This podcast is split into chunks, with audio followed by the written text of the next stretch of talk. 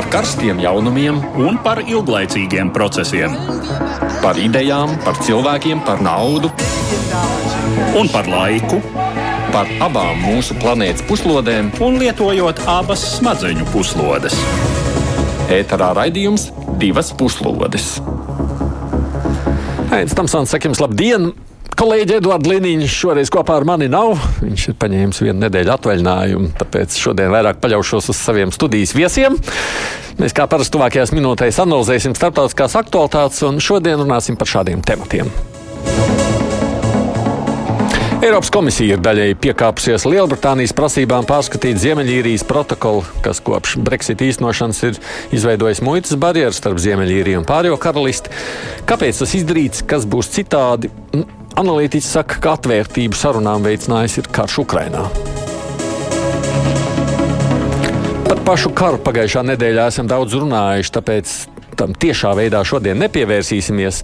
Taču gribam runāt par to, kā tas ietekmē valstu savstarpējās attiecības. Mēs vispirms atgriezīsimies pie jautājuma par Ķīnu. Ja ķīnieši palīdzēs ar militārām piegādēm Krievijai, tai būs jāpiedzīvo sankcijas, tā draud rietumi. Ko gan viņi var sliktu izdarīt Ķīnai? Šis jautājums īpaši interesants arī tāpēc, ka rietumiem jau grūti nāks kontrolēt sankciju īstenošanu pret Krieviju pašteritorijā. Un tad ir vēl citas valsts, kas labprāt palīdz Krievijai, jo šādi nopelni. Ko tad rietumi spēja, ko nespēja panākt, ja runājam par vēlmi ietekmēt citu valstu īstenoto politiku? Kopā ar mani studijā ir Rīgas Traģiņu universitātes docents, politikas katedras vadītājs Mārtiņš Daugovs. Sveiki! Sveiki. Un Latvijas universitātes profesors, sociālās zinātnes doktora studiju programmas vadītājs Dauns Hauvers. Labdien! Labdien! Un mēs sāksim vispirms ar jaunumiem no Lielbritānijas.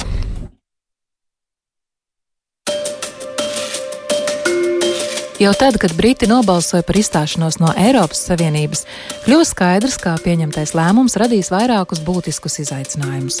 Viens no lielajiem draudiem kļuva Lielbritānijas vienotība. Piemēram, Skoti pārliecinoši balsoja par palikšanu Eiropas Savienības sastāvā, un Angļu faktiski uzspiestā vēlme pamest Savienību deva pamatīgu stimulu daudzu skotu sapnim izstāties no apvienotās karalistes. Tas arī ir vērojams Skotijā šajos gados, kur nerims cīņa par iespēju sarīkot jaunu neatkarības referendumu. Otrs lielais izaicinājums ir bijis miers Ziemeļīrijā. Kaut kādā mērā Eiropas Savienība bija tā, kas palīdzēja izbeigt daudzu ziemeļīru gadu desmitiem ilgušos cīņu par vienotu īriju. Esot vienotā politiskā un ekonomiskā telpā, bija iespēja nojaukt jau kādas robežas starp īrijas republiku un Lielbritāniju. Un kopš 1998. gadā noslēgtā Lielās piekdienas miera līguma, tur bija iestājies ilgi lolotais miers. Brexit to visu izjauca. Lai nebūtu jāatjauno robežu kontrole starp Ziemeļīriju un Īrijas republiku un aizsargātu Eiropas Savienības vienoto tirgu, pirms trim gadiem tika parakstīts tā saucamais Ziemeļīrijas protokols, kas paredzēja izveidot muitas procedūras tām precēm, kas nonāk īrijā no pārējās karalistes. Šis protokols jau pašā sākumā raisīja vislielākās iebildes. Tas faktiski nozīmē, ka Ziemeļīrija drīzāk bija palikusi par Eiropas Savienības nevis Lielbritānijas tirgus dalībnieci. Jau kopš līguma parakstīšanas Briti ir centušies panākt protokolu pārskatīšanu, liekot lietā dažādas ietekmēšanas līdzekļus, solot pat vienpusēji atkāpties no noslēgtās vienošanās. Tomēr līdz šim nec Terezai Mejai, nec Borisam Džonsonam, nec Lizai Trasai neizdevās Eiropas komisijas pretestību laust. Tādēļ komisijas vadītājs Urzuls Fonderlejens pirmdienas vizīte Lielbritānijā un paziņojums par panākto vienošanos pārskatīt protokolu ir ļoti nozīmīgs pavērsiens līdzinējā pretstāvē. Daudzas muitas procedūras tikšot atceltas, Eiropas uzstādītās prasības mīkstinātas un pretrunas novērstas. Kaut arī analītiķi atzīst to kā lielu pašreizējā Britu premjeru panākumu, tas nenozīmē, ka nu visas grūtības ir aiz muguras. Kā zināms, vēlns vienmēr slēpjas detaļās, un ir skaidrs, ka vēl ir gaidāmas karstas debatas par konkrētiem vienošanās punktiem un to izpildi. Averkungs, ko mēs zinām par to jauno iespējamo vienošanos tagad? Jā? Kas tad tur būs citādi? Nu, pa lielam vairāk nebūs kontroles. Uh, Nemaz?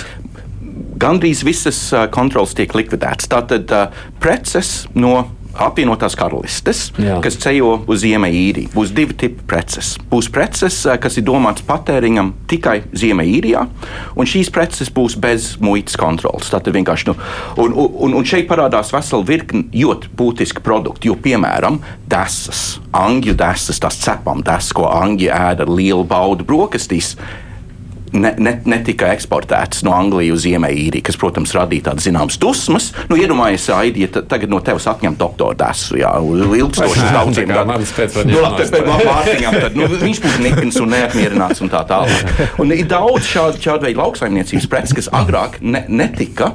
Um, uh, eksportētas, varētu teikt, uz, no, no, Vispār apvi- netika? U- No apvienotās karalistes uz Angliju. Nē, vienkārši tas bija tādā sarakstā, ka nedrīkstēja tos uh, eksportēt vairāk Mhm. iemeslu dēļ, jo tad viņi tā kā iet Eiropas Savienības tirgu, uh, iecījot uh, ap, uh, Ziemeļīrijā.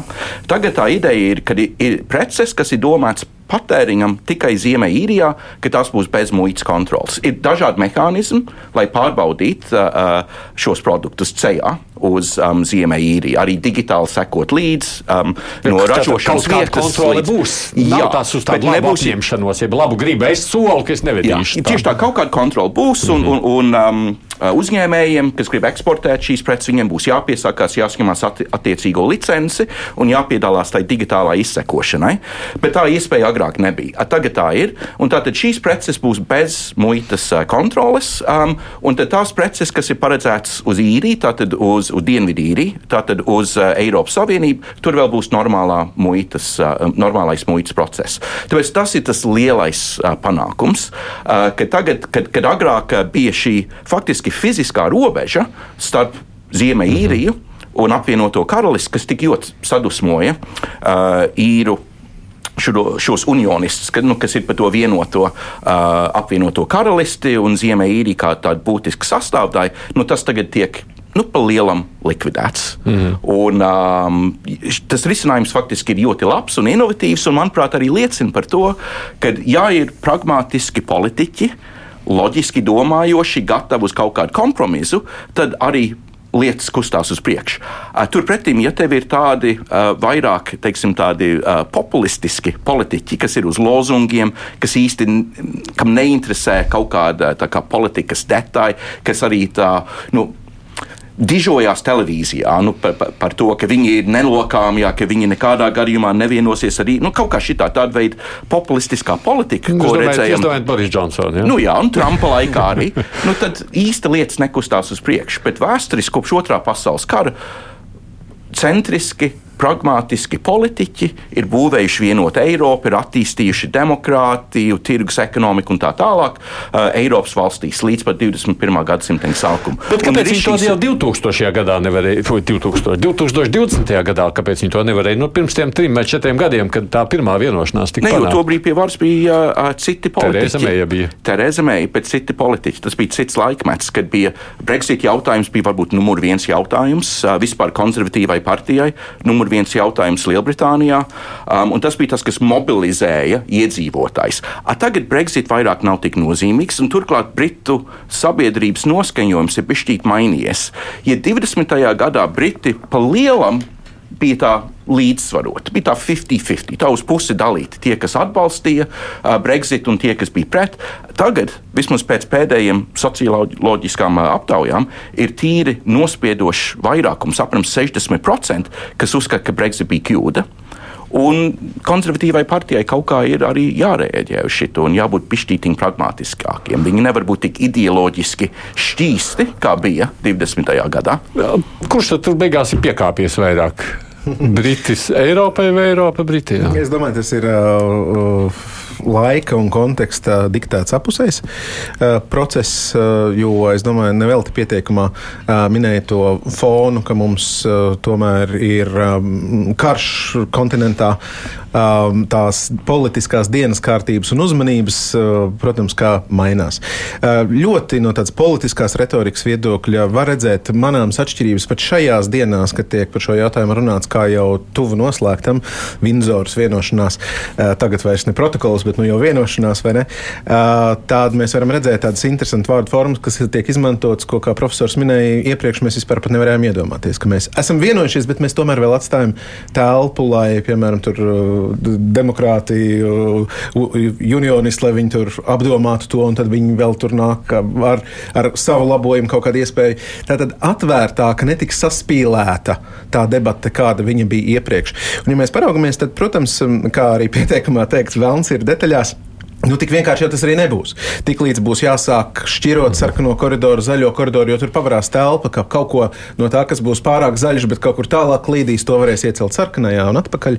Jā, kaut kādas preču grupas iespējams vēl atbrīvot, bet nu, viņš ir uzbūvēts tā, ka reizi gadā to var pārskatīt, ka ir respektētas tā uh, Ziemeļīrijas asamblējas, tā politiskā arī tā, tā, tā ietekme par to, ka mēs nepienaglojam to procesu, un tagad mēs pucēsim cauri mūžīgi mūžos pēc šī, bet tur ir arī kaut kādas kustība, iespējas skatoties uz to, kas notiek praktiski to mm. procesu iedzīvinot. Jo tur jau nav tikai nu, tas pamatkomponente, ir uh, laiks, lai nesabojājas. To mēs liekam iekšā zaļajā. Jā, tā tad, lai mēs paspējam aizvest, lai mēs paspējam patērēt, nevis ka viņš iesēžās kaut kur muitas zonā, kamēr atmuito, kamēr, uh, kamēr uh, tur apliek dokumentu mm. sakārto, tikmēr samaitājās un, un nav vairs kaut kā lietojams. Ja? Bet tur nāk vēl citas lietas. Man vienkārši liekas, ka iepriekš nu, es, man tas emocionālais interesē vienkārši. Nu, pirms trim mm. gadiem nu, nevarētu teikt, ka tehnoloģijas ir pēdējo trīs gadu laikā mm. attīstījušās tā, ka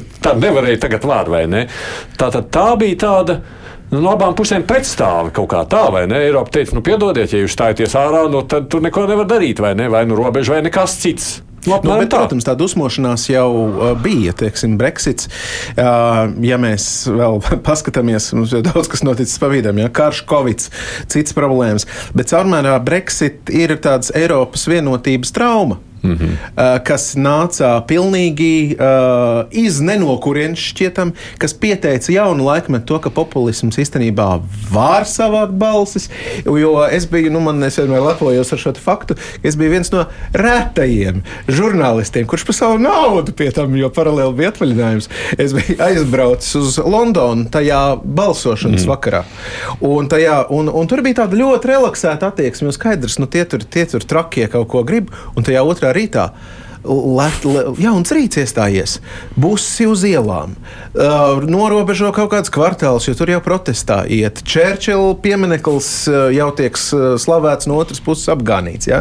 Tas pilnīgi citu uh, realitāti ieslēdz, un tā realitāte Eiropai Eiropas Savienībai kā tādai, kur mēs skatāmies uz šo Vācijas, Francijas motoru un Lielbritāniju, kā tas trīsstūri, trīsstūri, tā ass, kas tur vēl pa vidu un kaut ko balansē. Tas bija, tas bija vienkārši tāds sitiens pa degunu un ļoti liels tajā brīdī. Un pilnīgi lika pārkalkulēt visu, kā mēs domājam. Un es domāju, ka tāda, tādā mentāli, psiholoģiski politiskā tajā iekārtā un to cilvēku prātos, kas Eiropā, Eiropas komisijā, arī, arī augstākajā pārvaldībā bija nu, tāda maiga atriebības kāre. Mm. Mm. Bija absolūti klātesoša. Nu, jūs gribējāt, nu tad daboniet, nu tad, nu, tad sakārtojam tad to līdz galam. Bet acīm redzot, nu, tas, tas, tas emociju vilnis zināmā mērā viņš ir pāri. Es domāju, ka pilnīgi var piekrist profesoram šajā lietā, un citi jautājumi dienas kārtībā varbūt tā vērtības sistēma mazliet ir piekoriģēta un uzlikt uz pareizākām sliedēm. Kā mēs tik ātri pāri? Daži gadi bija vajadzīgi, lai šādu emocionālo traumu sadziedātu Eiropu bet mainās politiķi. Un, un, un man liekas, ka šis ir šausmīgi svarīgi to saprast. Jo tā tad bija Deivids Kamerons, kurš bija, protams, Britu premjerministrs to brīdi, kad uh, viss to pieņēma, uh, kad balsoja, un tad viņš uzreiz atkāpās. Uh, tad sekoja pēc ļoti sarežģītām diskusijām un balsošana Terēza Meija, kura bija vāja, kurai uh, neaizmirsīsim, ārlietu ministrs bija Boris Džonsons, kuram mm. arī bija zināma atbildība šī lietā, un bija nu, sarežģītas diskusijas ar uh, Eiropas komisiju. Uh, tad atkāpjas uh, Meija un nāk Džonsons ar savu haosu un, un neparedzējamību. Un arī, protams, nu, Džonsons ļoti rupji. Uh, izteicās gan par uh, Eiropas komis komisijas uh, vadību, viņš ļoti rupji, mūžīgi izteicās par Francijas prezidentiem, par Francijas politiķiem, līdzīgi arī par vāciešiem, un ar viņu bija grūti sadarboties.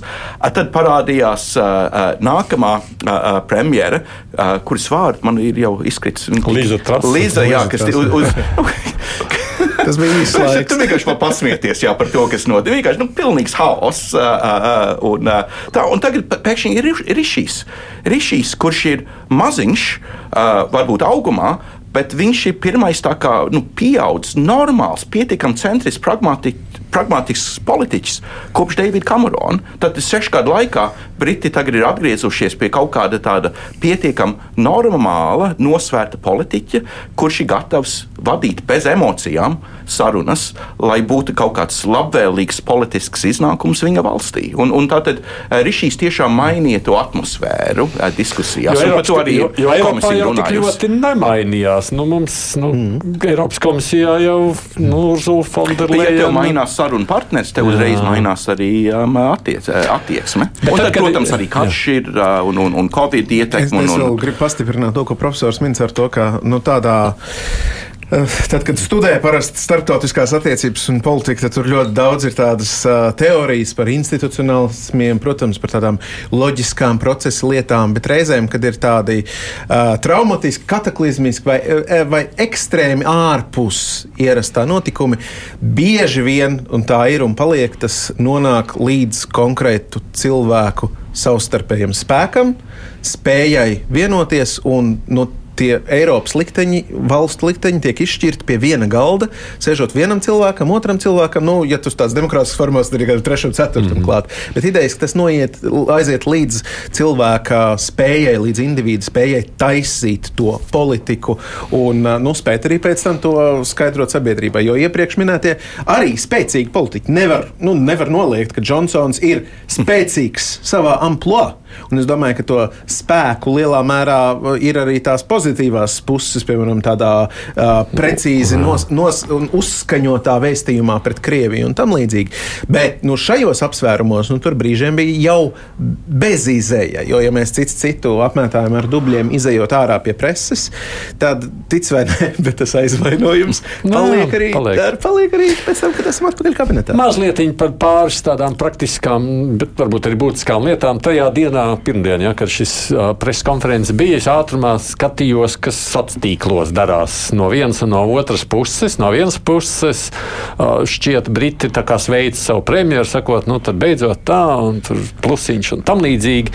No tāda viedokļa varētu sacīt, jau, nu, vēl jau, vēl jau, protams, gan jaunais Britu premjeras ja, ir ieguvis papildus bonusus, ja, mm. iekšpolitiski. Jā, noteikti. noteikti, jā. noteikti jā. Mēs, mēs, mēs redzam, ka tās avīzes, uh, kas bija tās nu, dedzīgākās, kas atbalstīja Brexit, tu Daily Mail, The Times, viņi tā tīri pieticīgi, bet vi, viņi nav bijuši īpaši kritiski mm -hmm. par šo lēmumu. Mm -hmm. Varētu pat teikt, ka, piemēram, Times laikraksts atbalsta. Telegrāfs, kas ir tas ultrakonservatīvais uh, laikraksts, kur Boris Džonsons arī savulaik bija žurnālists, viņiem ir bišķītiņa savādāka, nu, kritiskāka attieksme. Mm -hmm. Bet varētu teikt, ka tā vidēja nu, tā pamatstrauma, konservatīvā pamatstrauma pa lielam ir par.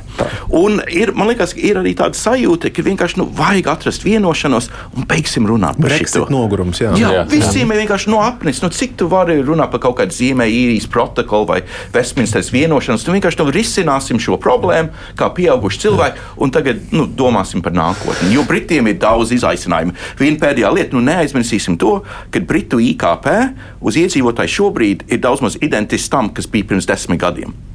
Tā ir mm. problēma. Mm. Tā ir liela problēma. Nav bijis izaugsme. No otras puses, Eiropas pusē, es vairāk saklausīju kritiku uz Ursulas Fonderlejas virzienā, sakot, tā, tā, tā, tā, tā. Vai jūs tur nenododat Eiropas brīvās tirgus vērtības un pārējo? Tam ir jēgas pievērst uzmanību, vai Eiropas komisija nu ir tik ļoti. Nu, it kā pastarpināti tālāk no ļaužu kaut kādas kritikas, ka tas tur neko. Es liektos piekrist šim te otrajam mm. uzstādījumam, ka nu, vispār ar Eiropu tādā ziņā ja ir, ir grūti kā notveram aiz astes dzīvnieku, vai ne? Jo tur ir daudz, vēl joprojām daudz valstu līderības pieteikumu un mēģinājumu, vai ne? Kurš tad būvēs to federāciju, kad mēs līdz tam nonāksim, tas lielais jautājums. Un šajā gadījumā, nu, tā kritika, kas ir viņi no tās pašas pašas Eiropas politiskās elites, kas mm. tur ir. Bet nu, tā no, no, novest to līdz, līdz uh, sabiedrības tādam diženam satraukumam, mēs domājam, diez vai. Eiropas komisijas vadītāji var atļauties krietni vairāk nekā Britu premjeras. Es Nu, teiktu, jau, jā, un es jā. domāju, ka lielākā daļa Eiropas vienkārši neseko līdz tam, kas tur notiek, un diez vai saprot vispār šos argumentus. Jo gal galā tā diskusija ir šausmīgi tehnokrātiska un detaļos, nu, atkal par tām cepām desiņām, jā, no kā no zaļais zonas, mm. nu, muita, nu, pārbauda čipi un tā tālāk. Nu, cilvēkiem tu, tu klausies, un tev pil, pilnīgi apnīk. Jā, nu, tāpēc, jā, es domāju, ka tas jautājums ir daudz nozīmīgāks Britiem, kā, un, protams, īriem. Un diez vai Latvijā Eiropai. īpaši satraucās Vai par šo jautājumu. Bet pabeidzot šo sadaļu, runājot par šiem 60%, kas nu tagad saka, ka Brexits ir kļūda, nu, tu, a, ko no tā? Neko? Tur kaut kas Nu, seko. Nu, uh, Financial Times laikrakstā, um, jūs varbūt lasījāt pirms dažām nedēļām, uh, tur viens no galvenajiem viedokļu rakstītājiem iezīmēja bildi, nu, kas varētu būt tā ceļa karte Britiem atgriezties uh, uz Eiropas Savienību. Un pa lielam tā ideja bija tāda, ka varētu būt vēl viens referendums 25. gadā. 25. gadā ir paredzēts vēlēšanas janvārī. Um, mm -hmm. uh, visticamāk, leiboristi uzvarēs. Uh, grūti iedomāties, ka varētu konservatīvi uzvarēt. Viņi ir tādos mīnusos šobrīd, nu, kaut kādam milzīgi neparedzējami būtu, būtu jānotiek. Um, uh, tātad 25. gadā visticamāk uzvarēs leiboristi kaut kā. Um, Tiek pieteikts uh, referendums, uh, par referendumu uh, nobalso, un lēnām, lēnām, lēnām, kaut kā desmit gadu garumā, tiek veikts sarunas ar, uh, ar Eiropas Savienību. Un kad varētu tad, uh, pēc šīs prognozes 2035. gadā potenciāli Briti atgriezties. Nu, protams, tā ceļa, ka nu, ne, nekad ceļa, nebūs. jā. Ceļa, ceļa karte, protams, ir skaista, bet, nu, ņemot vērā pēc šī brīža spēju arī nu, noturēt uh, uzmanību pie šī jautājuma, es domāju, tas varētu būt interesanti tiešām vērot, kā kāds politiskais spēks uzņemtos atkal sākt visu to pašu, tikai pretējā virzienā. Vai ne? vai ne? Vai ne? Kā diez, diez, Un, diez un vai, vēl ir citi satricinājumi Britiem iekšpolitikā. Nu, nekur nepazūd. Um, Spiediens no skotu nacionālistiem rīkot jā. uh, kārtējo referendumu. Jā, un, un šis, to nevar šis, uz ko gribēju pajautāt, jo tur taču arī Steržena atkāpās. Tātad, ja viņi tur meklē nākošo, ko tas nozīmē? Tas nozīmē, ka šis neatkarības tāds, nu, tāds, nu, spiediens varētu pieaugt. Es neteiktu, ka pieaugs, bet turpināsies. Mm -hmm. Viņš tur visu laiku ir, un diez vai tur būs kaut kāda nu, vairāk politiķi vai, vai lielāka sabiedrības daļa, kas to grib redzēt. Bet nu, Skoti jūtās pišķītīgi nērti šobrīd apvienotā karalistē. Viņi sevi pozicionēja kā tādu uh, nelielu ziemeļu valsti apvienotās karalistes uh, teiksim, politiskā sistēmā. Un tagad viņi varbūt sevi redz kā neatkarīgu nelielu ziemeļu valsti. Jo gal galā mazām valstīm šobrīd. Uh, nu, Mazās valstis faktiski ir tās labākās valstis pasaulē. Nu, Norvēģija, Dānija, Zviedrija, Somija, Islanda. Visos topos ir pirmā vietā. Visdemokrātiskākās, visno, vi- vis, um, kā mērenākā politika. Um, Nu, Jebkur rādi, arī laimes rādītājos. Un Skoti arī labprāt gribētu būt daļa no tā. Bet nerunāsim tikai par Skotiem, arī atcerēsimies par īriem. Eh, 2035. gadā pēc prognozēm izskatās, it kā Ziemeļīrijā pēc demografiskām prognozēm katoļi būs vairākums. Un katoļi vispār negrib būt daļa no Lielbritānijas apvienotās karalistes. Katoļi grib, lai Ziemeļīrija pievienojās Dienvidīrijai. Un tad parādīsies pavisam cits spiediens, kas varētu būt demokrātisks, bet kas varētu arī būt vardarbīgs, kā bija 70. un 80. gados, kad teroristi cīnās par šo apvienošanos.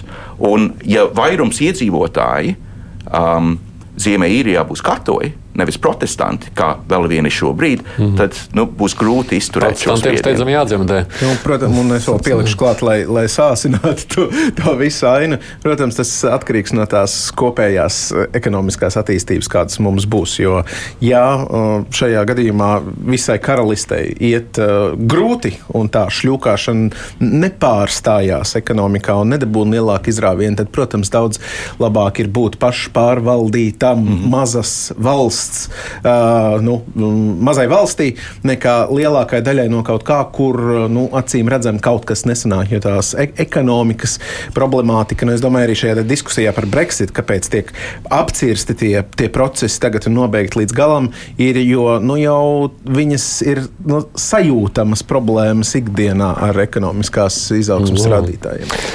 Nu, pabeidzot tikai šo Brexit jautājumu, jau no Jāņa ir, vai tad Prigožina troļļiem arī nebija zināma loma Brexitā. Tas jau laikam ir diezgan aprunāts, vai ne? Bija ja, Krievija tur mēģināja ietekmēt šos Bija, procesus. bija mēģināja jā. ietekmēt, bet jautājums ir, vai reāli ietekmēja. Jo gal galā. Um, nu, tas nebija jautājums par naudu. Nu, Brexit, Brexit bija jautājums par vērtībām. Un, mm. un viena liela daļa Briti jūta, ka Lielbritānija, kā teiksim, tās nacionālās vērtības, kultūra un tā tālāk, bija ļoti strauji mainījusies iepriekšējos 10, 12 gados, un kad vajadzēja kaut kādu korekciju. Tā tad nu, nebija īsti saistīts ar naudu, bet ar vērtībām. Un vērtības nevar mainīt vienā dienā, viens prigožins ar savām teiksim, mm. Labi, skatāmies, kas notiek tālāk sarunās par visu šo un attīstību pašā Lielbritānijā, bet um, no mūsu pieminētais karš Ukrainā, kas varētu arī būt, protams, līdz pārliktos akcentus, uh, ir tas, kam, protams, visvairāk šajās dienās pievērst uzmanību. Un te nu atkal jāpiemina ir Ķīna. Vispār tur ir vairākas lietas, ko pieminēt, tāpēc vispirms kolēģi ievadīs tematikā. Piektdien Vācijas žurnāls Der Spiegel ziņoja, ka Krievija aktīvi risina sarunas ar ķīniešiem par kaujas dronu piegādi. Kā zināms, ieroču un tehnikas trūkums ir viens no redzamajiem faktoriem šajā karā. Un kamēr Ukrainai arvien vairāk palīdz rietumi, Krievijai jāpaļaujas uz savām rezervēm un iespējām vai jāmeklē trešo valstu palīdzību. Gan sarunās ar Irānu, gan Ķīnu ir redzams, ka Krievija visvairāk vēlas iegūt kaujas dronus. Ķīnieši varētu tos ražot lielos daudzumos. Runa ir vismaz par simts droniem tuvāko divu mēnešu laikā, un pēc tam viņi varētu palīdzēt atvērt Krieviem šādu ražotni pašiem. CNN gan nākamajā dienā ziņoja, ka ķīnieši vēl galējo lēmumu nav pieņēmuši taču sarunas tiešām notiekot. Rietumvalstu vadītāji ir brīdinājuši, ka militārā palīdzība Ķīnai dārgi maksās. Tomēr, ko tas īsti nozīmē, to šobrīd grūti pateikt. Pagājušais gads ir atklājis, ka arī Krievijai noteiktās sankcijas ir bijušas mazāk sāpīgas nekā Rietumvalstis solīja un sagaidīja. Problēmas ir gan ar sankciju izpildes kontroli pašu valstīs, gan ar trešo valstu gatavību palīdzēt Krievijai. Turklāt šai ziņā aktīvas ir ne tikai tādas Krievijai tuvas valstis kā Kazahstāna vai Ķīna, pat NATO dalībvalsts Turcija, kā rāda pētījumi, aktīvi pelna uz Krievijas kara rēķina, palīdzot agresoram iegūt izēvielas, kuras tā izmanto militārajā rūpniecībā. Eiropas Savienība ir apņēmusies šogad lielāku uzmanību veltīt nevis jaunu sankciju noteikšanai, bet gan esošo sankciju īstenošanai un kontrolai, lai tās nebūtu iespējams apiet. Tomēr, ko tieši Eiropa var darīt, lai ietekmētu citu valstu sniegto palīdzību, nav skaidrs. Ir zināms, ka ekonomiskās ietekmes sviras ir šobrīd politiskās uzmanības fokusā. Rietumvalstis cenšas runāt un pārliecināt virkni valstu neatbalstīt Krieviju. Līdz šim tas nav nesis būtiskus rezultātus. Divas puslodes. Sargātājs studijā kopā ar mani Latvijas Universitātes profesors Daunis Hauvers un Rīgas Traņu Universitātes docents Mārtiņš Dauguls par Ķīnu vispirms tā kā runājot. Jūsuprāt, nu kas ir tas, ko Rietumvalsts var slikti piesolīt Ķīnai, ja tās sniegs kādu militāro palīdzību Krievijai? Nu, uh, Es jūtu vienkārši atbildēšu, un tad Mārtiņš varēs daudz, precīzāk un tehniskāk. Bet um, pieeja rietumu tirgiem. Um, Ķīnas lielākie tirdzniecības partneri absolūti ir Eiropas Savienība un um, ASV. Un tur tiek nodrošināts desmitiem, varbūt pat simtiem miljonu darba vietas Ķīnā, ražošanas uzņēmumos, kas eksportē savus uh, produktus uz šiem tirgiem.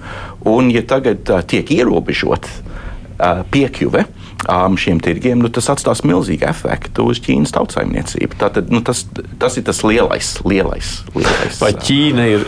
Jūtīgāka šādā ziņā nekā, pieņemsim, Krievija bija. Jo Krievija Jā, labi norīja šo. Ne, bet, bet, bet uh, Krievija eksportēja principā dabas gāzi. Nu, um, kā, kā pareizi pateikt, bet tādas Nu, jā, jēlvielas uz, uh, uz vietām. Un viss, bet Ķīna faktiski, uh, skatoties šeit uh, studijā, visticamāk tie televīzijas ekrāni šeit ir ražoti Ķīnā, varbūt arī jūsu mm. austiņas, ne jau Mārtiņa drēbes, protams, ir no Itālijas, bet varbūt manējās arī kurp galdi un tā tālāk. Ķīna ražo visu un eksportē. Uh, uh, Daudz šīs produktus uz, uz, uz uh, visu pasauli. Tāpēc tas, i, i, tur tā ekonomika ir bijusi Un, sarežģītāka. Es gribu at- m, atbildēt uz šo jautājumu par to jūtību. Tā, manuprāt, vismaz raugoties gan uz Ķīnas stratēģijām, kas ir gan tam, ko runā uh, Ķīnas Tautas Republikas partijas ģenerālsekretārs prezidents reizē, um, un kas sabiedrībā notiek, viņiem tā labklājība, es teiktu, ir pilnīgi cits jautājums un izaugsme, kā tas ir Krievijai. Nu, absolūti cita mentalitāte. Teiksim, tas, tā izpratne par to, ka mēs esam gatavi tagad uz kaut kādu īsti ne līdz galam saprotamu partnerību rēķina sabotēt tos izaugsmas rādītājus, mm -hmm. kas mums ir iekšzemē. Es teiktu, es tā reāli būtu gatavs cepuri apēst, ka mm. ne pie kādiem apstākļiem. Jo Ķīnai ir lieli iekšējie izaicinājumi. Mums tur ir nekustamā īpašuma tirgus pārkaršana, demografiskās bedres, investīcija problēmas un citas lietas. Un šobrīd, tieši šajās dienās, starp citu, ja nemaldos, vakar vai šodien, no rīta ir tā ir ekonomikas attīstības pakotne palaista jauna. Lai stimulētu ekonomiku, lai būtu labāk. Un tas ir būtiski, jo visās stratēģijās, nu, tajā saucamajā China Dream, Ķīnas sapnī, kas ir ievīts iekšā, ir tas, ka mēs attīstāmies. Tas 2050. gads, kad mēs esam labā pārticības līmenī, tas ir kodolā visai tai ideoloģijai. Ja mēs krītam atpakaļ kaut kur strauji, tā rēķina, ka tagad uh, sadarbosimies baigi cieši ar Krieviju, arī jautājums, kāpēc? Par gāzes cenām īstenībā nevienojāmies ar Krieviju, par teritorijām un kaut kādiem robežlīgumiem veciem mēs neesam vienojušies ar Krieviju. Tas nav nekāds baigais. Tas, viņš tur ir. Mm -hmm. Bet viņš nav nekāds baisais draugs. Ķīnai ir, savs, ir sava ideja un loģika šajā lietā, bet es teiktu, ka e, spēlēt e, kaut kādu blefa, absurdā riska spēli, kā to dara Kremlis, vienkārši no sērijas e, virzīsimies uz priekšu, redzēsim, vai būs kautiņš, jo pa mums jau nesitīs, jo mēs esam ļoti tālu un lai sit pa mūsu tautu un sabiedrību. Tur ir mazliet cita tā identitāte mm. un ideoloģija, ko mēs jau varam novērot no tā brīža kad uh, Dens jau piens atvēra vaļā mm. uh, brīvo tirgu un ielaida iekšā, lai būtu labklājība nevis tā kā padomju savienībā, ka tur kaut kas nesanāk vai sabrūk un tam līdzīgi. Mūsu sarunai šobrīd pievienojusies Rīgas Traģiņu universitātes politikas zinātnes doktorantūras vadītāja, viņa Ķīnas studiju centra direktora un Aleksandra Bērziņš Arenkova. Labdien! Sveicināti, cienījamie kolēģi, un sveicieni no Tartu, kur rīt un parīt notiks tieši Krievijai veltītā konference, un arī Ķīna ir šīs konferences viena no tēmām likumsakarīgi. Mm, ļoti interesanti. Tad jo vēl jo vairāk tas jautājums, kas mums šeit ļoti interesē. Jūsuprāt, cik Ķīna tiešām nopietni uztver šos rietumu draudus, sakot, nu, ka būs slikti, ja viņi palīdzēs militāri Krievijai? Es domāju, ka šobrīd um, Ķīna uzskata, ka ar ASV attiecības vēl vairāk pasliktināties nevar, ka tās jau ir tādā kritiskā zemajā punktā, bet Ķīna vēl joprojām tic, ka attiecības ar Eiropas Savienību var pasliktināties. Jā? Tātad, proti, ka tās vēl nav zemākajā punktā. Un jāsaka, ka mans ukraiņu kolēģis Jurijs Poita, kurš nodarbojās tieši ar Ķīnas analīzi, pirms pāris dienām nopublicēja viedokļu rakstu, kurā viņš apgalvo, ka tieši Eiropas Savienībai, nevis ASV ar visu savu stiprumu, bet tieši Eiropas Savienībai ir šī spēja ietekmēt Ķīnu un signalizēt Ķīnai, ka tā cena, kuru Ķīna varētu samaksāt, ja tā pavisam jau sevi ieliktu Krievijas sabiedroto lokā, būtu augsta. Jo tieši par Eiropas Savienību šobrīd vēl joprojām Ķīna uztraucās, galu galā mēģinot atdzīvināt uh, uh, vispārējo investīciju nolīgumu un šādas tādas sadarbības iespējas. Tā kā interesanti mums liekas, Eiropa it kā nav tāds drošības spēlētājs, it kā ir vājāka, bet ir viedoklis, ka tieši Eiropai šeit ir labākas kārtas nekā ASV. Bet nav jau taču, bet, bet nav jau taču Ķīnai visas attiecības ekonomiskās ar ASV sarukuši. Tur taču tirdzniecība notiek viss joprojām, vai ne tā? Tirdzniecība notiek, jo kā var viena gada laikā vai pat divu gadu laikā pārtraukt, ja tas, ko amerikāņi lieto šo vārdu decouple, uh, sadalīt, atdalīt uh, attiecības, kuras ir saugušas, kopš 79. gada. Nu, pat, eh, ja pēc balss paziņas, tas laikam bija doktors Dauguls, kurš pirms manis runāja, vai pareizi? Ir te gan Dauguļkungs, gan Auverkungs, jā. Jā, nu tā tad eh, tieši minēja šo, šo, šo dzīves eh, līmeņu palielināšanu um, Ķīnā un, un reformu un attīstības politiku. Un kopš tā brīža tiešām šī, šīs ekonomikas ir augušas, un tāpēc šis decoupling nav iespējams. De, uh, iespējams, ka nav iespējams vispār, un noteikti nav iespējams īstermiņā, un nav iespējams uh, visā, uh, visā, teiksim, tajā spektrā, bet mēs redzam, ka, protams, attiecības ir pasliktinājušās. Tas, tas ietekmē gan Ķīnas studentu skaitu ASV, tas ietekmē ASV kompāniju investīcijas Ķīnā, tas ietekmē ASV un Ķīnas politisko dienas kārtību, tāpēc nu, noteikti nevar apgalvot, ka nekas no tā nebūtu mainījies. Tas, ka mēs turpinam tekstilu tirgot, um, noteikti, un turklāt mēs taču redzējām uh, absolūti uh, bezprecedenta gadījumu ar uh, ASV lēmumu attiecībā uz pusvadītājiem un uz Ķīnas, tātad, principā, Ķīnas pusvadītāju industrijas tādu spēcīgu triecienu, tāpēc noteikti šī ir jaunā realitāte. Šis nav bizness kā parasti. Jūsuprāt, ja tiešām beig beigās ķīniešu kompānija piegādās kaut vai tos pašus pieminētos militāros dronus vai jebko citu, ko tad Ķīnai nāktos rēķināties? Jautājums ir, mm, jā, īstenībā šeit ir, es domāju, ka tās kalkulācijas Ķīnas pusē ir, ir garas, jā, un ko tā, un šīs kalkulācijas vienmēr ir ko tā iegūtu un ko tā zaudētu. Un, ja es būtu uh, Ķīnas kompartijas priekšsēdētājs un Ķīnas prezidents un Ķīnas militārās komisijas priekšsēdētājs man liktos, ka to zaudējumu un to mīnusu šajā kalkulācijā ir vairāk. Jo ieguvums principā nu, būtu kāds stiprināt Krieviju mazliet. Ja? Bet, ja, bet ja, ja klausa Krievijas oficiālo narratīvu, tad Krievija vēl tik un tā neko īsti nezaudē.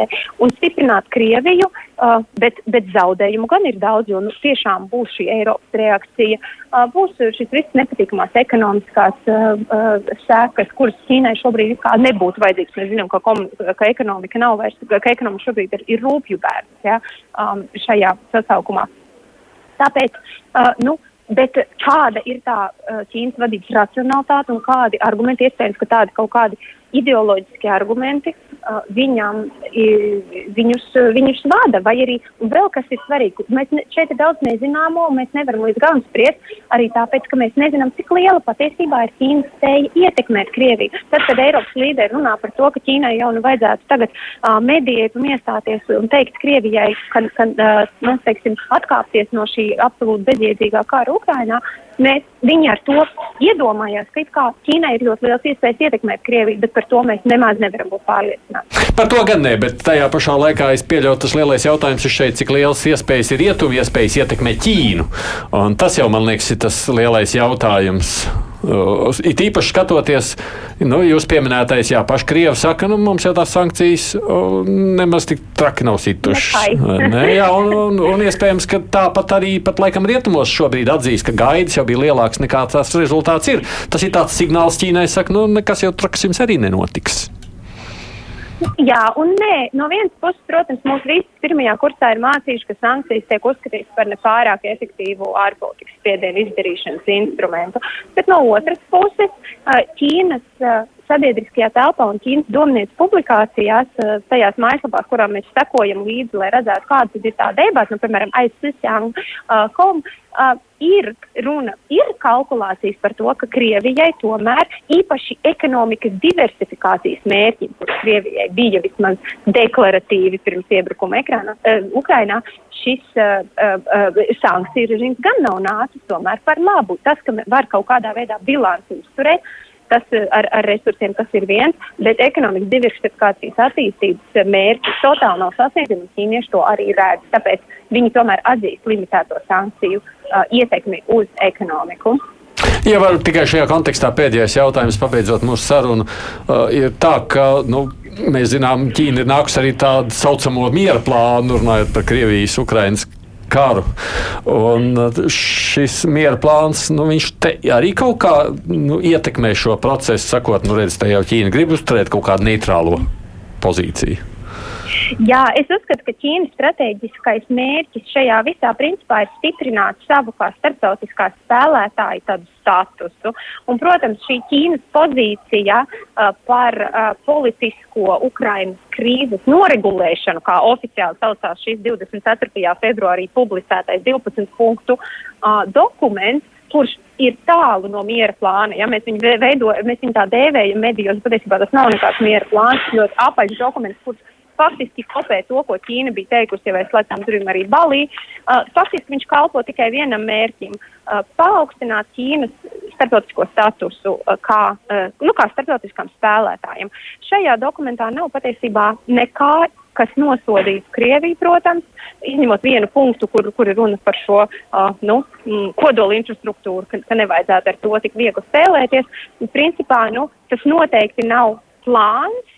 Un tas noteikti nav plāns, kurš piedāvātu atgriešanos Ukrainas, uh, Ukrainas suverenitātes nodrošināšanu pirms 2014. gada robežās. Mm. Paldies, un Aleksandra Bēziņš, Šarinko, Ķīnas studiju centra direktora, kur mums bija pieslēgusies sarunā no Tartu, kā mēs dzirdam. Ko jūs sakāt tikai par šo te? Nu, jā, es ar to vārdu plāns lietošu pēdiņās, bet nu, kaut kā viņš jāapzīmē, piedāvājums. Nu, tā, tā, tas raugoties uz vispār, kā Ķīnas Tautas Republikā tās vadība, dažādas runas un izpausmes starptautiskajā sistēmā ir veikuši, nāk, nāk prātā tas, ka politika arī ir performance šovs, vai ne? Un, uh, un Ķīna nodarbojās, nu tā cīniski sakot, ar sabiedriskajām attiecībām. Arī šeit viņi nodarbojās lielā mērā ar sabiedriskajām attiecībām. Es pilnīgi piekrītu um, uh, doktorai Unai tajā, tajā kontekstā ka viņi grib parādīt, ka mēs šeit esam un redz, kur mums ir miera plāns. Jau mm. zinot, ka, ka tas nav nekāds plāns, plāns un ka tā dzīve tāpat turpināsies. Bet kas tev, kas tev kāds ieguvums tev no tā? Tev ieguvums no tā ir, ka tu esi tas, kurš var sakārtot pasaules mieru. Nu, ja tev palūgtu pietiekami daudz, tad tu būtu gatavs un iet. Šī spēle, šī loģika, viņa jau caurvījās uh, it, uh, it visā. Mēs analizējām Stradiņu universitātē, tad, kad vēl bija šīs lielais cerēšanās laiks, 17 plus 1 formāts sadarbība ar Centrālu un Austrumu Eiropu, un arī mums šeit Rīgā pie vagoniem mēs fotografējāmies, un, uh, un, un nu tik sāksies un rūks un ies. Tad uh, tajā uh, Ķīnas uh, mediju telpā tas bija tas pozicionējums, ka šeit mēs esam, mēs risinām nabadzīgās Austrumu Austrumēropas un Centrāla Austrumēropas problēmas nākot un beidzot iedarbinot ekonomiku un tā tālāk. Mm. Tā projām. Viens stāsts iekšzemē, cits stāsts pasaulē. Un te, es domāju, ka tas stāsts ir svarīgs, jo viņš jau ir tik ļoti saudzis ar to uzvedību, ka ja tu ej Ķīna šajā te visā pasākumā, Ja viņa top sankcionēta, viņa pēkšņi ir pretinieks. Da, jā. bet nu legāls jau pretinieks. Un Kā tas iet kopā ar to, ka mēs braucam uz visiem ekonomikas fórumiem, neejam nekāds pretinieks? Tas, ka tur drošības institūtos mēs terzējam, ka Ķīna ir apdraudējums un Eiropā tur NATO arī saka, ka Ķīna ir apdraudējums un tā, bet nu, tas ir tā maigi tomēr vēl. Pasaules tirgū mēs esam tie, kas nāk kā brīvā faktiski tirgus globālā aizstāvji. Mm -hmm. Tas arī ir tas paradoks, vai ne? Kā tieši Trumpam stājoties savā laikā, uh, savā amatā, man likās, wow, cik saudabīgi. Ja? Tā, tā, tā komunistiska valsts ir kļuvusi Davosā toreiz par numuru viens globālā brīvā tirgus aizstāvja. Viņa teica, brīvais tirgus visiem, nekādus ierobežojumus mums nevajag. Un es domāju, ka izkāpt ārā no šiem lielajiem stāstiem, tā, tās ir sabiedriskās attiecības, bet reizē tā arī ir tā realitāte, kurā pati Ķīna sevi ir iebūvējusi.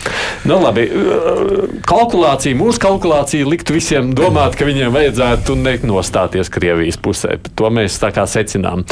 Bet te jau es mazliet jautāju arī Unai, bet arī līdz ar to tas jautājums, kas šajās dienās daudz tiek apskatīts. Mm, būtībā jau rietumi kā piedraud, saka, mēs, ja nu būs, tad būs problēmas. Bet tā reāli jau mēs paši nemaz nespējam kontrolēt, ko paši darām. Mēs redzam, runājot par jau piedraudētām, ja, nu jā, pieņemtajām sankcijām Krievijai, nekas.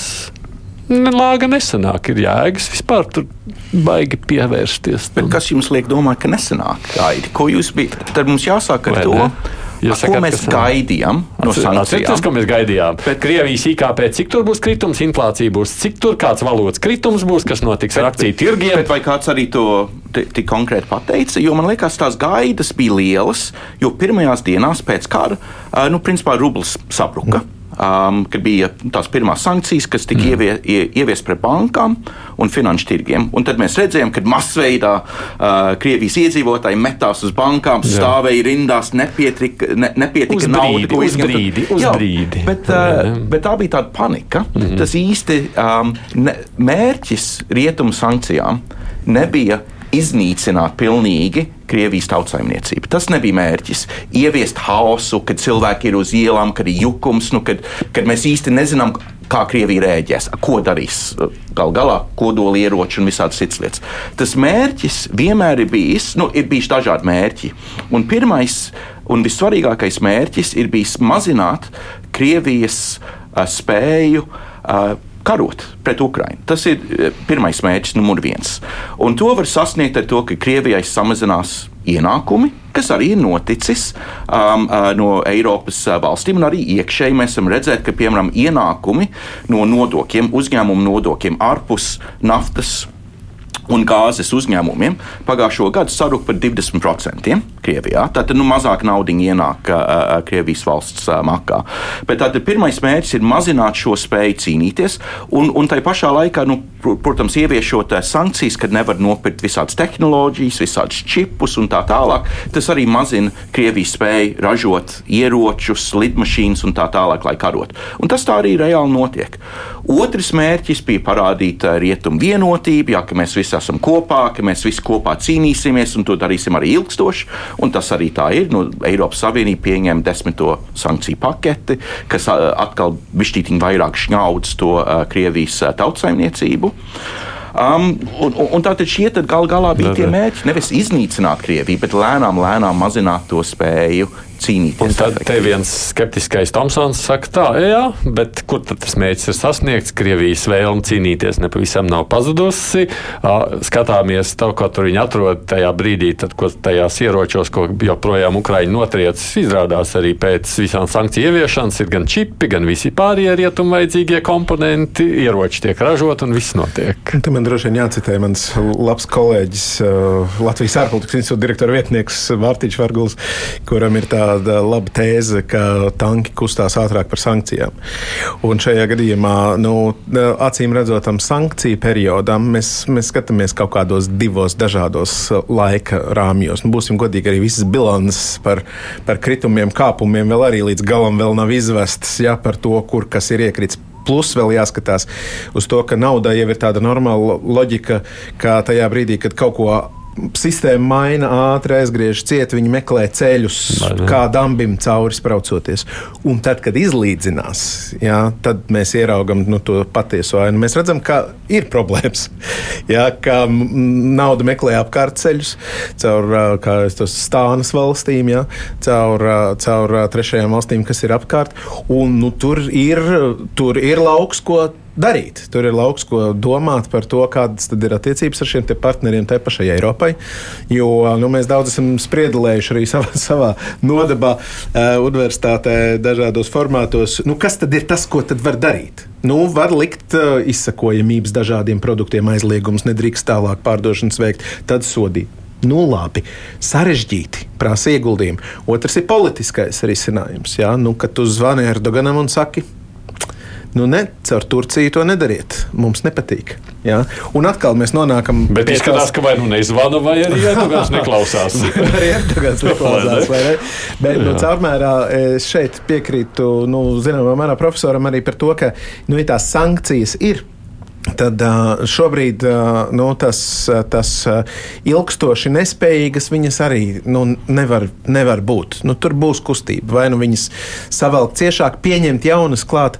Arī nekāda baigā loģika nav, ja iepriekšējās nestrādā. Mm. Līdz ar to es teiktu, nu, ka tā savilkšana. Šis un, gads būs savilkšanas gads. Šis gads varētu būt savilkšanas gads. Nu, kā mēs iedzīvinājām kaut ko um, dabā savi likumi, naudā un komerces domāšanā cilvēkiem savi likumi. Un es domāju, vienkārši viņus pie, pielāgot, piegriezt skrūves, tā ja mēs sakām. Bet, protams, tam ir vajadzīga politiskā griba, nu, un politiskā griba veidojas no tā kopējā konteksta, par kā par to runā. Un šeit atkal, protams, Baltijas valstīm ir izšķirīga loma par to, ka sakām, nu, ja esam solidāri, mēs ieviešam lietas, tad mēs tās ievērojam un kā vienmēr runas ir nozīmīgas šādā izpratnē un tā kopējā izpratne. Jo es neesmu vispār drošs, cik uh, smagi cilvēki izjūt, ka tiek apietas sankcijas kaut kur Eiropas dienvidos. Man nav tādu datu, neesmu lasījis socioloģijas, bet būtu diezgan interesanti, vai tā vispār ir problēma ārpus mūsu reģionu. Vai, vai turkiem tā ir problēma, mm. ka viņi palīdz Krievijai tur un pelna vairāk nekā pirms kara? Kā rāda. Nu, par to es skaitļi. nezinu, bet es domāju, ka Krievijā ir pilnīgi skaidrs, ka tur izjūta arī šīs uh, sankcijas. Nu, ir, ir, ir dati, kas pišķītīgi mm. par šo liecina. Nu, Nu, mēs varam skatīties uz auto nozari, piemēram, kur pagājušo gadu par 50% mazāk pārdeva jauno auto. Un tie jaunie auto, kas ir ražoti Krievijā, kā mēs ar Mārtiņu esam jau agrāk runājuši, citā formātā. Nu, Tie nav tādi, ko mēs iegādātos. Tagad uh, Krievijā ražo auto bez drošības pilveniem, bez dzesinātājiem, tiek, ma- tiek laboti Padomā, cilvēks, kurš nezina, priekš kam vajag jostulīt apkārt, kāds viņam tur drošības Bet pilnvērts. Aidi, padomu, cilvēks jau nebūs tas, kas pērk tos jaunos autos. Šeit ir runa par cilvēkiem, kas dzīvo lielpilsētās, kas sagaida kaut kādu dzīves kvalitāti. Un viņi nesas, viņiem vairāk tā dzīves kvalitāte nav tāda, kā ir. Tātad, nu, ja mēs runājam par, labi, labi, nav varbūt labi runāt par revolūcijām un apvērsumiem, bet viena tā lieta, ko mēs zinātnē zinām par to, kas izraisa revolūciju vai apvērsumu no, no tautas, ir tas, ka ilgtermiņā, tad nevis vienu gadu laikā, divu gadu laikā, bet tā ilgstoši, divu, trīs, četru, pieci gadu laikā, tava dzīves kvalitāte sarūk. Un tu sagaidi kaut kādu zināmu dzīves kvalitāti, ka tava dzīve attīstīsies zināmā virzienā, un pēkšņi tas vairāk nenotiek. Ja? Un tev varbūt iet pat pretējā virzienā, dzīves pasliktinājās. Un uz kādu laiciņu tu vari to paciest. Bet pienāk tā, tāds brīdis, kad tu vairāk to īsti nevari izturēt. O, jā, Un- un tad- padomju, cilvēks var ļoti daudz izturēt, un arī Krievijas vēl mazliet. ģe- Nu, protams, ne, par to nav tas stāsts. Es drīzāk gribēju beigās pajautāt. nu, Kas tad būs tas, ko mēs šogad varētu sagaidīt? Vairāk zvanu Erdoganam, pieņemsim, lai viņš kaut kā ietekmē savu biznesu. Nu, proti, tās, nu, jā. kāds ir tas veids, kādā rietumi mēģinās ietekmēt tās, ka- tās valstis, kas palīdz Krievijai? Nu, principā um, rietumi jā, būs zvani, bet arī likumiskā ceļā. Tad, ja mēs skatāmies uz šo desmito sankciju paketi, kas tur parādās, tur piemēram ir sankcijas, uh, kas ir domātas uh, Irānas drona ražotājiem, kas ra ražo šos dronus, tad, tad, tad, kas tiek uh, izmantoti Ukrajinā. Izrādās, ka tiem droniem ir kaut kādi čipi un kaut kāda uh, cita uh, tehnoloģija no Zviedrijas. Un tātad no Zviedrijas vairāk nedrīkstēs pārdot šo tehnoloģiju Irānai. Irānā vairāk nevarēs ražot tos dronus, līdz tam, ka viņi atrod nu, kaut kādu citu piegādātāju, un tad droni netiks piegādāti Ukrainai. Un tas ir tas likumiskais ceļš, lai mēģinātu kaut kā ietekmēt to uh, karu. Vai tas nozīmētu arī beig beigās, ka rietumi varētu likt arī pašiem, nu, pieņemsim, tāds Zviedrijas piegādātājs kaut kādā veidā tur ir dabūjis, to arī pats Zviedrijas uzņēmums beig beigās cieši. Jā. Nu, nu, jautājums ir maksa par ciešanām, vai, vai, vai ko nozīmē ciešanas. Ja, teiksim, ja Zviedrijas uzņēmums būs apgājis kaut kādā veidā oficiāli noteikto sankciju likumu, tad viņam ir jācieš. Jo, un, un, jo tad, nu, tad ilgtermiņā, ja mēs visi pārkāpsim likumu, tad cietīsim mēs tāpat. Revolūcijas laikā pirmos parasti uzdur tos, kas ir īstenībā slaveni likuma pārkāpēji. Līdz ar to tas, tas, tas stāsts šeit ir nu, par tiešām par uzraudzību, bet arī nu, par tādu apzinātu uzraudzību. Un šeit man jāpiesauc Dombūra pārraidi sabiedriskajā medijā pirms kaut kāda laika, kur viņš bija savilcis kopā pagājušā nedēļā, ja nemaldos. Nu, mums ir ļoti maz to piefiksēto momentu. Mums viena tiesvedība laikam ir tāda ja, ka- par to, ka kāds ir apgājis sankcijas. Nu, es citēšu kādu savu kolēģi, kas saka, ka naivums nav netikums, bet pieredzes trūkums. Man liekas, ka tas ir tāds pieredzes trūkums mums šajā lietā. At, pāris reakcijas no klausītājiem. Saka, nē, Ķīnas un Korejas auto nav nevainas. Ķīnieši spēj saražot itin smukus, luks, smukus luksus auto. Reaģējot. Savukārt, eh, klausītājs Jānis te mums saka, tā, ja Ķīna palīdzēs Krievijai karā, es maksimāli izvairīšos pirkt lētos Ķīnas strunus un aicināšu draugus pārstāt iepirkties AliExpress. Nu, sabiedrības spiediens arī, protams, bet, nu, vai un kā. Labi, gaidām Ķīnas kalkulāciju un skatāmies, kādā veidā, protams, šajā gadā tad eh, Eiropa sola nu, tā kā pievērst uzmanību tiem, kas apiet sankcijas. Es domāju, tas noteikti būs arī šī gada tāds uzmanības tematā. Paldies, jums, kā nācāt! Paldies! Dauns Elers ir Latvijas Universitātes profesors, sociālās zinātnes doktora studiju programmas vadītājs un vēl visādi varētu pieteikt, līdzīgi kā Mārtiņš Dauguls, kurš ir politikas katedras vadītājs un Rīgas Taņu universitātes docents. Uh, Paldies par piedalīšanos, protams. Mūsu producents Tevi un Āmas studijā bija Esaidis Tomsons, divas puslodes šodien līdz ar to izskan. Raidījums būs ētrā atkal pēc nedēļas, tad nu sekosim līdz pasaules notikumiem. Cerams, atgriezīsies komandā mūsu kolēģis Edvards Liniņš, savukārt uz pāris nedēļām mūs pamatīs producents Tevi. Viņas vietā uz kādu brīdi atgriezīsies kolēģi Ievzējas. Tātad viss notiek, klausāmies radio un raidījumus. Divas puslodes.